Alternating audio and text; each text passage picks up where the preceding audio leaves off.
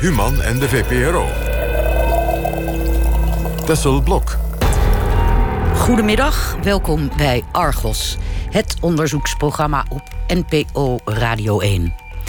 Het was een bewogen week voor ons. Er waren daar de berichten over halvering van onze zendtijd en bezuinigingen op ons budget. Een overweldigende stroom steunbetuigingen op sociale media en in de pers was het gevolg. En als klap op de vuurpijl en als een grote verrassing kregen wij gisteravond de belangrijkste radioprijs, de zilveren reismicrofoon. We zijn er nog een beetje confuus van. En we willen iedereen ontzettend bedanken voor het warme bad. We voelen ons zeer gesteund en zullen u op de hoogte houden van de ontwikkelingen. Maar onderzoeksjournalisten gaan natuurlijk altijd door. En daarom hebben wij ook vandaag gewoon weer een mooi achtergrondverhaal. En straks onze boekenrubriek. Recensent Mark Chavan bespreekt twee boeken. Eén over de nieuwe witte onderklasse in de Verenigde Staten, de zogenaamde hillbillies. En één over de huidige rol en de positie van de vakbond in Nederland. NPO Radio 1. Argos. Nu eerst de reportage. Almere krijgt er miljoenen bij om de jeugdzorg te kunnen betalen. Dit meldde Omroep Flevoland woensdag. En de gemeente Rotterdam trekt extra geld uit voor meer en betere jeugdzorg. Ruim 60 miljoen euro, dat werd dinsdag bekend. En dan was er vorige week ook nog een debat in de Tweede Kamer over dit probleemdossier. Argos was daarbij. Wat is er toch aan de hand in de jeugdzorg? Verslaggevers Joline Kramer en Lilith Martirosova zochten het uit. Over hoe de directeur van een zorginstelling uit haar eigen spaarpot de zorg bekostigt. En hoe gemeenten geld halen uit WMO-potjes. Ik heb zelf Asperger. Ja. Mijn jongste zoon die nog thuis woont, heeft ook Asperger. Onze tweede zoon, die inmiddels buitenshuis woont, die heeft PDD-NOS. Tot hier en niet verder. Er kan niet bezuinigd worden meer. Het, er moet nu rust gecreëerd worden. Niet elk jaar alles omgooien. Dat is inderdaad nu wel de boodschap. We zijn nu uh, twee volle jaren verder. We zijn in het derde jaar van het nieuwe stelsel. Dat er ook wel een aantal hele hardnekkige knelpunten zijn. En die zijn zo hardnekkig dat als je die niet oplost... dat je dan dat mooie draagvlak onder de wet vandaan trekt. Als ik naar het uh, budget over jeugdzorg kijk, kom ik 1,6 miljoen tekort op dit moment uh, op jaarbasis. Wij hebben gezegd, ieder kind heeft de zorg nodig die hij krijgt. En dan staan we voor het budget wat daarbij hoort. We gaan geen wachtlijst, dat willen we niet.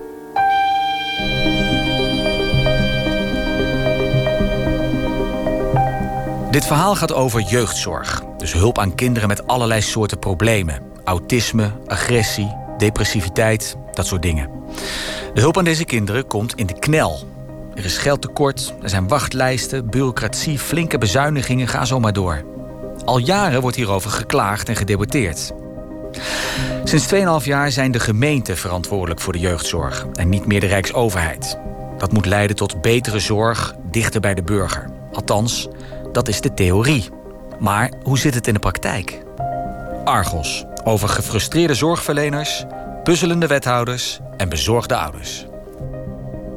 Goedemorgen. Van harte welkom bij dit uh, algemeen overleg van de vaste commissie voor volksgezondheid, welzijn en sport. En we hebben het vandaag over de jeugdhulp. Het is donderdagochtend 8 juni. In de Torbekkenzaal van de Tweede Kamer staat het algemeen overleg met de nieuwe Kamercommissie op punt van beginnen. Op de agenda het rapport van de Transitieautoriteit Jeugd. Dat is een clubje oud-politici die door de overheid zijn aangewezen om te zorgen dat de overgang van de jeugdzorg van het Rijk naar de gemeente soepel verloopt. Het rapport van die transitieautoriteit is kritisch. Als de problemen nu niet worden opgelost, schrijven ze, dan worden die mogelijk structureel. De gemeente en jeugdinstellingen moeten nu in actie komen. Ik geef graag als eerste het woord aan mevrouw Kooijman.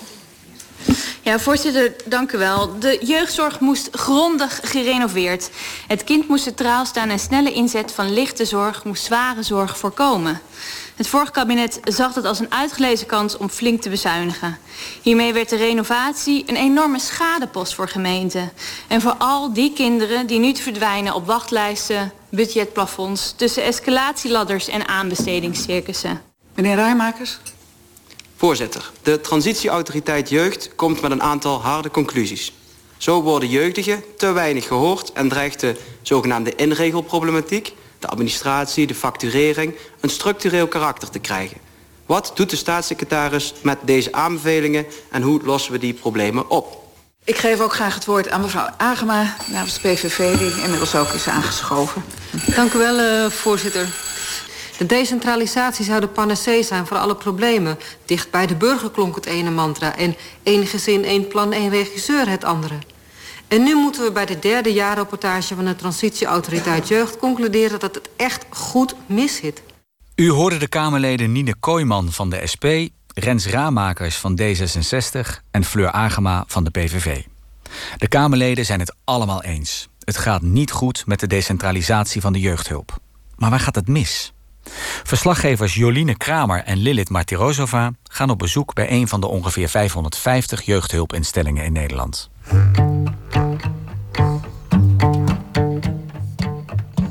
We lopen nu over een iets wat verlaten industrieterrein.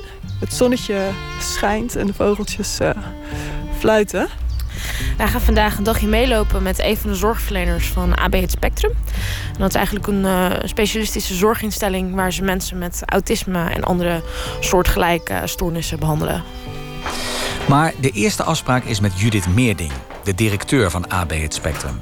Dat is een kleine zorgaanbieder in de regio Midden-Nederland. Ze behandelen daar allerlei vormen van autisme, zowel bij jongeren als volwassenen. Meerding vertelt hoe dit werk sinds de decentralisatie is veranderd. Wij zijn natuurlijk een uh, zorgaanbieder die volledig wordt gefinancierd door de gemeente. Dat betekent dus dat wij in 2015 overgegaan zijn van de zorgkantoren naar de gemeenten. Dus dat betekende eigenlijk dat onze opdrachtgever voor de eerste keer onze opdrachtgever ging zijn. Ja, en daar een uh, nog zoekende in is. Er waren veel minder zorgkantoren natuurlijk ten opzichte van het aantal gemeentes die er zijn. Dus er zijn grote verschillen. Dat is wat wij uh, direct daarvan merken.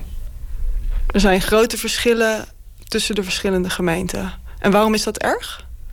Dat wij als zorgaanbieder dus op 40 verschillende manieren uh, dingen moeten aanleveren of dingen moeten doen. Het is voor ons natuurlijk als bedrijf zijn een uitdaging om je daar zo goed mogelijk naar te vinden.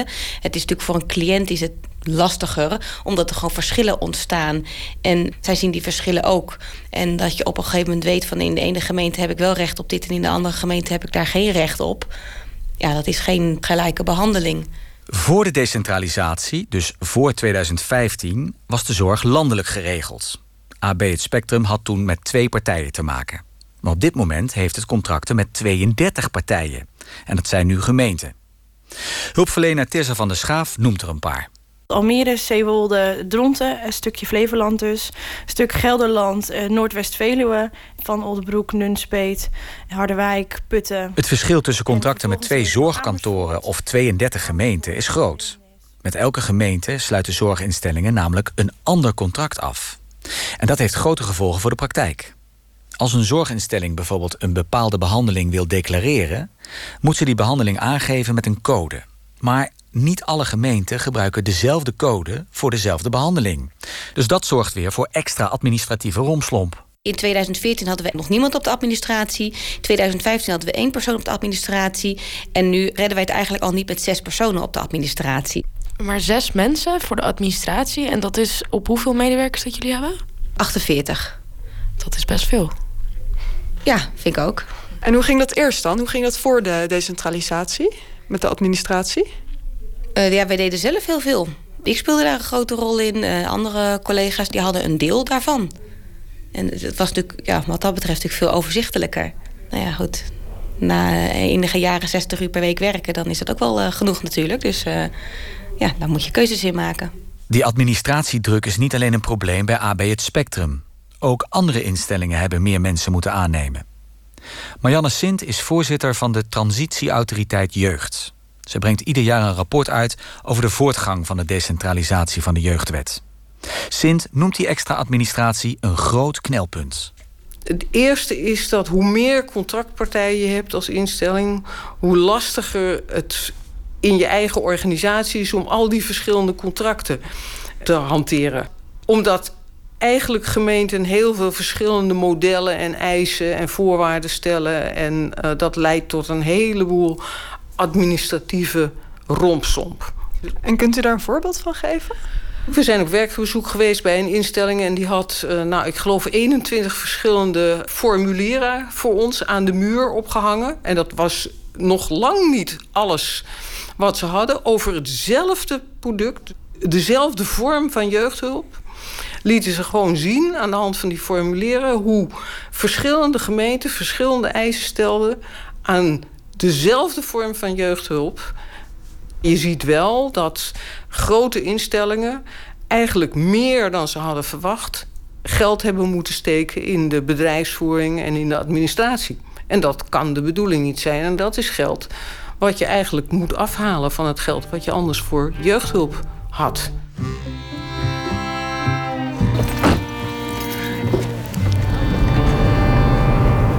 En waar gaan we nou zo uh, naartoe? We gaan uh, zo naar een uh, gezin die ik begeleid. Um, en daar zullen we een gesprek met moeder hebben dit gezin begeleid ik niet alleen de jeugdige, uh, wat een meisje van 15 is, maar ook ouders in de ouderbegeleiding. Dus hier ook in dit gezin bied ik specialistische zorg aan, aan alle gezinsleden. Onze verslaggevers zitten in de auto bij zorgverlener Teersa van der Schaaf van AB Het Spectrum. Teersa is ambulant begeleider. Dat betekent dat ze gezinnen thuis bezoekt. Ze wil laten zien wat haar werk inhoudt en hoe dat werk is veranderd door de decentralisatie. We bellen aan bij een van de vijf gezinnen die ze begeleidt. Hoi, dag. Erika. Hoi, Hoi Lilith. Kom maar door hoor. Ik ben moeder Erika. Ik heb twee kinderen, allebei met autisme. En uh, nou, daar hebben ze veel hulp bij nodig. Teersa komt nu ruim twee jaar een paar keer per week bij het gezin van Erika op bezoek. Vooral voor de 15-jarige dochter. Zij wil niet aan de uitzending meewerken, want ze vindt het te spannend en ze wil niet herkend worden. Ze loopt onrustig door de kamer en volgt het gesprek op afstand. Teersa brengt als hulpverlener rust in het gezin. Ze leert de dochter hoe ze haar huiswerk en andere activiteiten het best kan plannen. En ze leert Erika hoe om te gaan met een autistisch kind. Erika weet nog goed wanneer de situatie met haar dochter escaleerde. Ze was uh, op dat moment gewoon uh, overspannen, in de war, at niet, viel heel erg af. Dus toen zijn wij gewoon ook naar de huisarts gegaan. En uh, nou ja, die besloot gewoon, er moet heel snel wat gebeuren. Ze moest ook gelijk naar het ziekenhuis bloed prikken. Ze bleek ook uitdrogingsverschijnselen te hebben. En, dus zo erg was de situatie. In het begin was Teersa als hulpverlener alleen bezig met crisisbeheersing. Want het ging niet goed met Erika's dochter. Nou, ik kreeg eigenlijk s ochtends vroeg, terwijl ik aan het werk was bij een andere cliënt, een uh, paniektelefoontje van moeder. Dat het uit de hand was gelopen thuis. Dat dochter heel erg boos was dat, uh, dat er sprake zou zijn van een opname eventueel. Dat zag dochter echt niet zitten, waardoor bij haar de stoppen doorsloegen.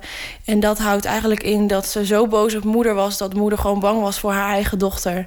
En niet alleen met haar in huis durfde te zijn... omdat de borden door de keuken gingen.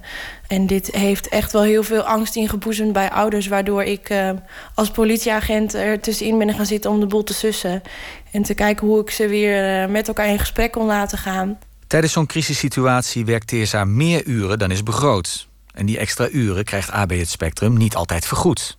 En dat is een probleem. Dat is vervolgens dan met de gemeente een hele strijd over het aantal uren. Omdat ik op zo'n moment wel over de aantal uren heen ga, omdat het op dat moment echt nodig is. Ik het gezin ook niet daarin kan zeggen van joh, zoek het maar uit. Het gezin van Erika woont in de regio Noord-Veluwe. Iedere instelling die met die regio een contract heeft, krijgt daarvan jaarlijks een bedrag waarmee ze de zorg moet betalen. Dat budgetplafond, zoals dat heet, wordt regelmatig te snel bereikt. Bijvoorbeeld doordat een instelling in crisissituaties meer uren zorg levert. We hebben een afspraak met twee wethouders: Gert van den Berg uit Nunspeet en Lisbeth Vos uit Oldenbroek. Zij voeren het woord namens de regio Noord-Veluwe. Van den Berg begrijpt best dat een crisissituatie niet helemaal te voorspellen is. En daarom snapt hij ook wel dat een instelling wel eens over het budget heen gaat. Maar soms gaat dat wel erg makkelijk. Wat wij ook hebben gezien, en dan ook weer helaas met name de grote organisaties, de administratie niet op orde hebben. Ze weten vaak niet eens hoeveel cliënten ze zorg verlenen. Ze weten vaak niet eens wat voor zorgcliënten binnen zijn. En dan is het wel heel erg lastig sturen. En ook daarin verwachten wij dat bedrijven en organisaties de boel op orde hebben. Dat je gewoon weet, dit heb ik in huis, dit bereken ik. Oké, dan zit ik nu aan mijn plafond. Of ik ga nu zo hard naar mijn plafond. Nou moet ik overleg voeren met de gemeente. En dat bleef achterwege. Ik wil nog wel even aanvullen hierop. Kijk, uh, want u zei net inderdaad, als er dan in één keer zorg verleend moet worden, en dan denk ik aan de crisissituatie, dan er is geen wethouder die dan, als uh, zo'n organisatie na die tijd komt, die zegt dat gaan wij niet betalen. Maar we gaan niet betalen als je zegt, pas, ik kom pas over een half jaar bij jou, en dan worden wij wel heel kritisch. En zeggen we op het moment dat er echt nood aan de man is, dan wordt er gewoon betaald. Dat wil ik wel even heel duidelijk gezegd hebben. Vroeger voor de decentralisatie kregen de zorginstellingen het geld vooraf. Dus voordat de hulp werd verleend. En als ze in de loop van het jaar geld tekort kwamen, dan konden de zorginstellingen er meestal wat bij krijgen. De meeste gemeenten werken nu precies andersom.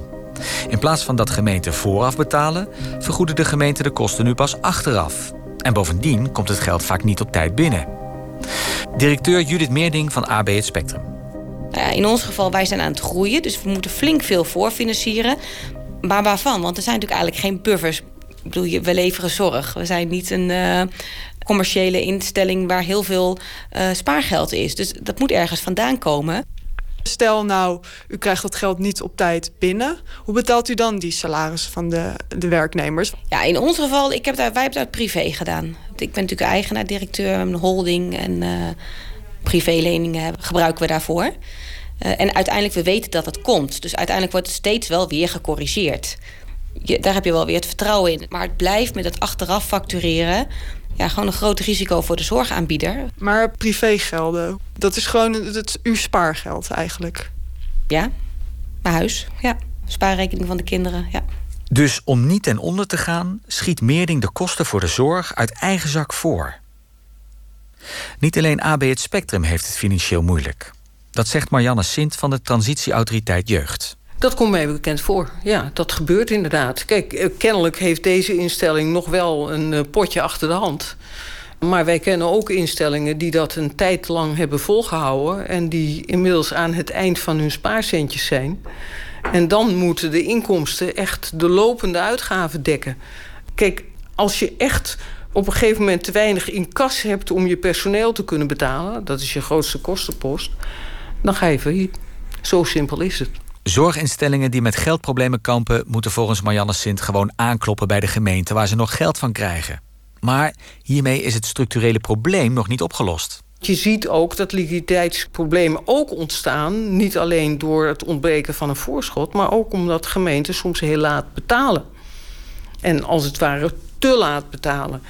Dus dat is een mogelijkheid. Een tweede mogelijkheid is natuurlijk dat een instelling naar de bank gaat... en zegt, kijk, ik heb uh, veel te weinig geld in kas. Willen jullie mij helpen met een werkkapitaalfaciliteit? Je kan ook zeggen, mogen wij even rood bij u staan? Maar ja, banken die doen dat natuurlijk alleen maar als ze de overtuiging hebben... dat dit een gezonde instelling is die blijft bestaan. Want anders doen ze het niet.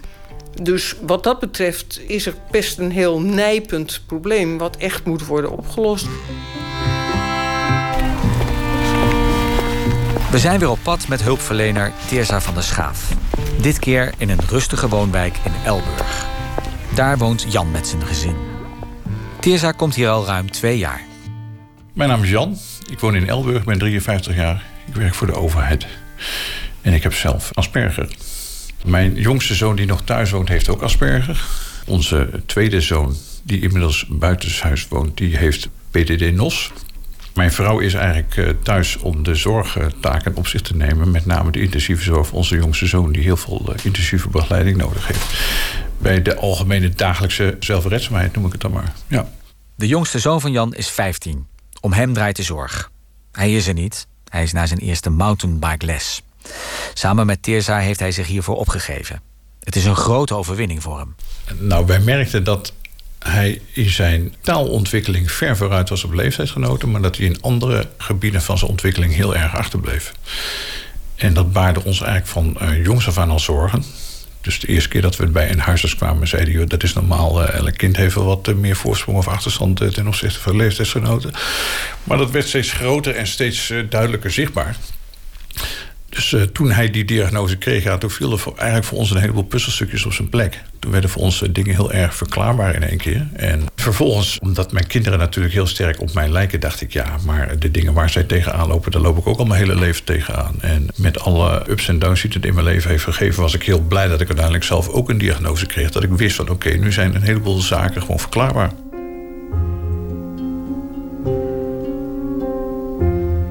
Teresa van der Schaaf van ABS Spectrum komt minstens twee keer in de week bij ons om mijn zoon en mijn vrouw te begeleiden.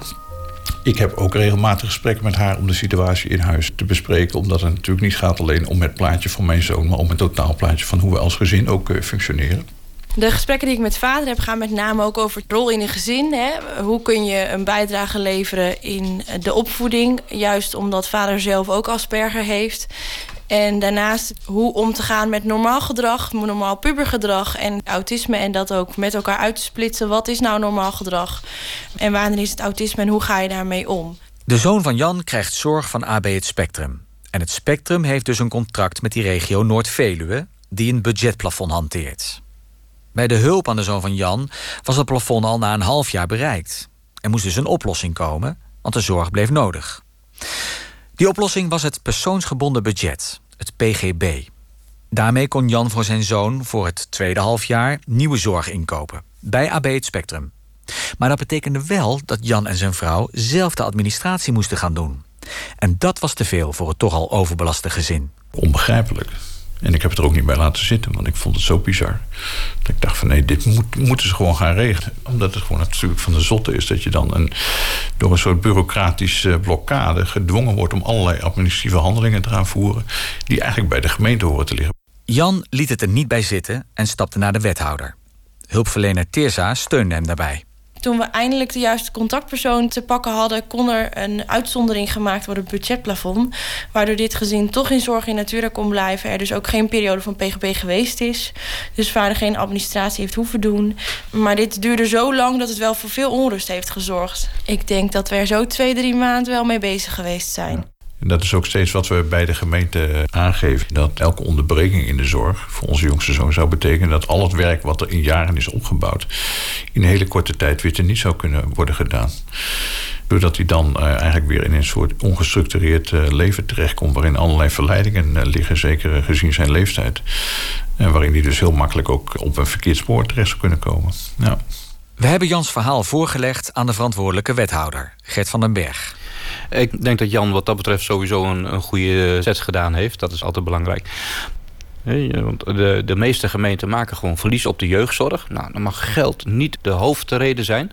Maar het is wel een heel belangrijk aspect. Dus we hebben budgetplafonds vastgesteld over 2015, 2016. En wanneer partijen daar overheen gaan... verwachten we dat ze op tijd aan de bel trekken. In dit geval is de organisatie zegt, we hebben dat gedaan. En dat is een moeizaam proces.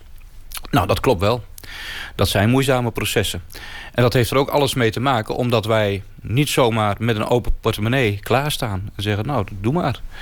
En het vervelende is wel, en daar moet ik gewoon ook eerlijk in zijn... dat dat bij onze eh, burgers nog wel eens voor onrust kan zorgen. Die hebben af en toe het idee dat ze in de wacht gezet worden. Niet alleen zorginstellingen hebben te maken met geldproblemen. Ook gemeenten zelf komen geld tekort voor de jeugdzorg. Wethouder Lisbeth Vos uit Oldenbroek. Als ik naar het uh, budget over jeugdzorg kijk, kom ik 1,6 miljoen tekort op dit moment uh, op jaarbasis. Wij hebben gezegd, ieder kind heeft de zorg nodig die hij krijgt. En dan staan we voor het budget wat daarbij hoort. We gaan geen wachtlijst, dat willen we niet. En hoe, hoe lost u dat dan op? Dat haal ik nu uit de reserves. En wat voor reserves? Uh, reserve Sociaal Domein noemen we dat hier. Die hebben we in de verleden tijd opgebouwd. En dat is al van de WMO vanaf 2007. Is het geleidelijk een uh, reservepot opgebouwd. En er zit nu dusdanig in dat ik daar uh, kan uitputten. Om het tekort voor jeugdzorg te dekken... haalt wethouder Vos geld uit het WMO-potje. Geld dat eigenlijk is bedoeld voor andere groepen, zoals ouderen. Niet alleen de gemeente Oldenbroek heeft een tekort. Ook andere gemeenten in de regio Noord-Veluwe. Wethouder van den Berg. Er zijn uh, meer gemeenten hoor. Bijvoorbeeld Ermelo. Dat is een gemeente die een paar hele grote jeugdzorginstellingen heeft. Nou, die heeft behoorlijk tekort. En dat heeft alles te maken met de toerekening, hoe de gelden verdeeld worden. Maar als je nou kijkt naar Oldenbroek en Nunspeet... zijn aardig vergelijkbare gemeentes. Maar toch krijgt Oldenbroek veel minder geld voor de jeugdzorg dan Nunspeet. Dus een beetje scheef. En zijn ondergrondelijke regels. Daar moet je ook niet te veel aan willen doen, want dan kom je toch niet uit. Maar we hebben hier in deze regio met die, met die zes, zeven gemeentes afgesproken... dat wanneer een gemeente in een jaar heel veel extra kosten voor zijn rekening krijgt... dat we die dan samen delen. Tweeënhalf jaar na de decentralisatie loopt het dus nog steeds stroef. Dat concluderen niet alleen AB het Spectrum en Tweede Kamerleden... maar ook de transitieautoriteit Jeugd van Marianne Sint. Zorginstellingen wijzen vaak met de beschuldigende vinger naar gemeenten... terwijl gemeenten vinden dat ze er alles aan doen... om de kinderen de zorg te geven die ze nodig hebben. Marianne Sint wijst op nog iets. Zij vindt dat de Rijksoverheid de bezuinigingen te snel heeft doorgevoerd. Wat wij ook in onze jaarrapportage zeggen... is dat het tempo waarin de bezuinigingen op de jeugdhulp zijn doorgevoerd door het Rijk... er is 15% op het macrobudget bezuinigd... dat dat tempo veel hoger lag dan de besparingen die de gemeenten konden bereiken... met het anders organiseren van de jeugdhulp. En dat leidt er ook toe dat heel veel gemeenten... veel meer geld kwijt zijn aan de jeugdhulp... dan ze eigenlijk uit het, de verdeling van het totaalbudget uh, is toebedeeld gekregen. Dus de gemeenten hebben ook een probleem. Tot hier en niet verder. Er kan niet bezuinigd worden meer. Er moet rust gecreëerd worden. We moeten niet terug naar een situatie van voor 2015. Er is geen enkele zorgaanbieder die ik ken die dat zou willen. We moeten nu gewoon inderdaad een situatie hanteren uh, die voor nu stabiel is. Zodat er vertrouwen ontstaat tussen en zorgaanbieders en de gemeente. Niet elk jaar alles omgooien. Dat is inderdaad nu wel de boodschap.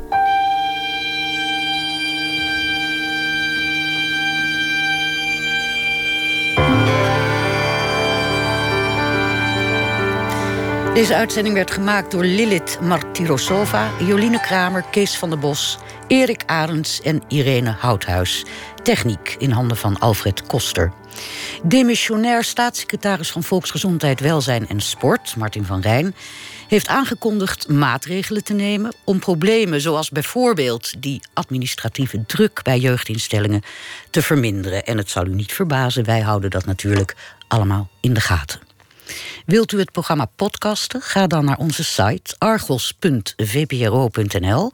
En daar kunt u ook vrienden worden op Facebook. En daar publiceren wij elke maandagochtend de uitzending in drie minuten. Zometeen Mark Chavan met de boeken.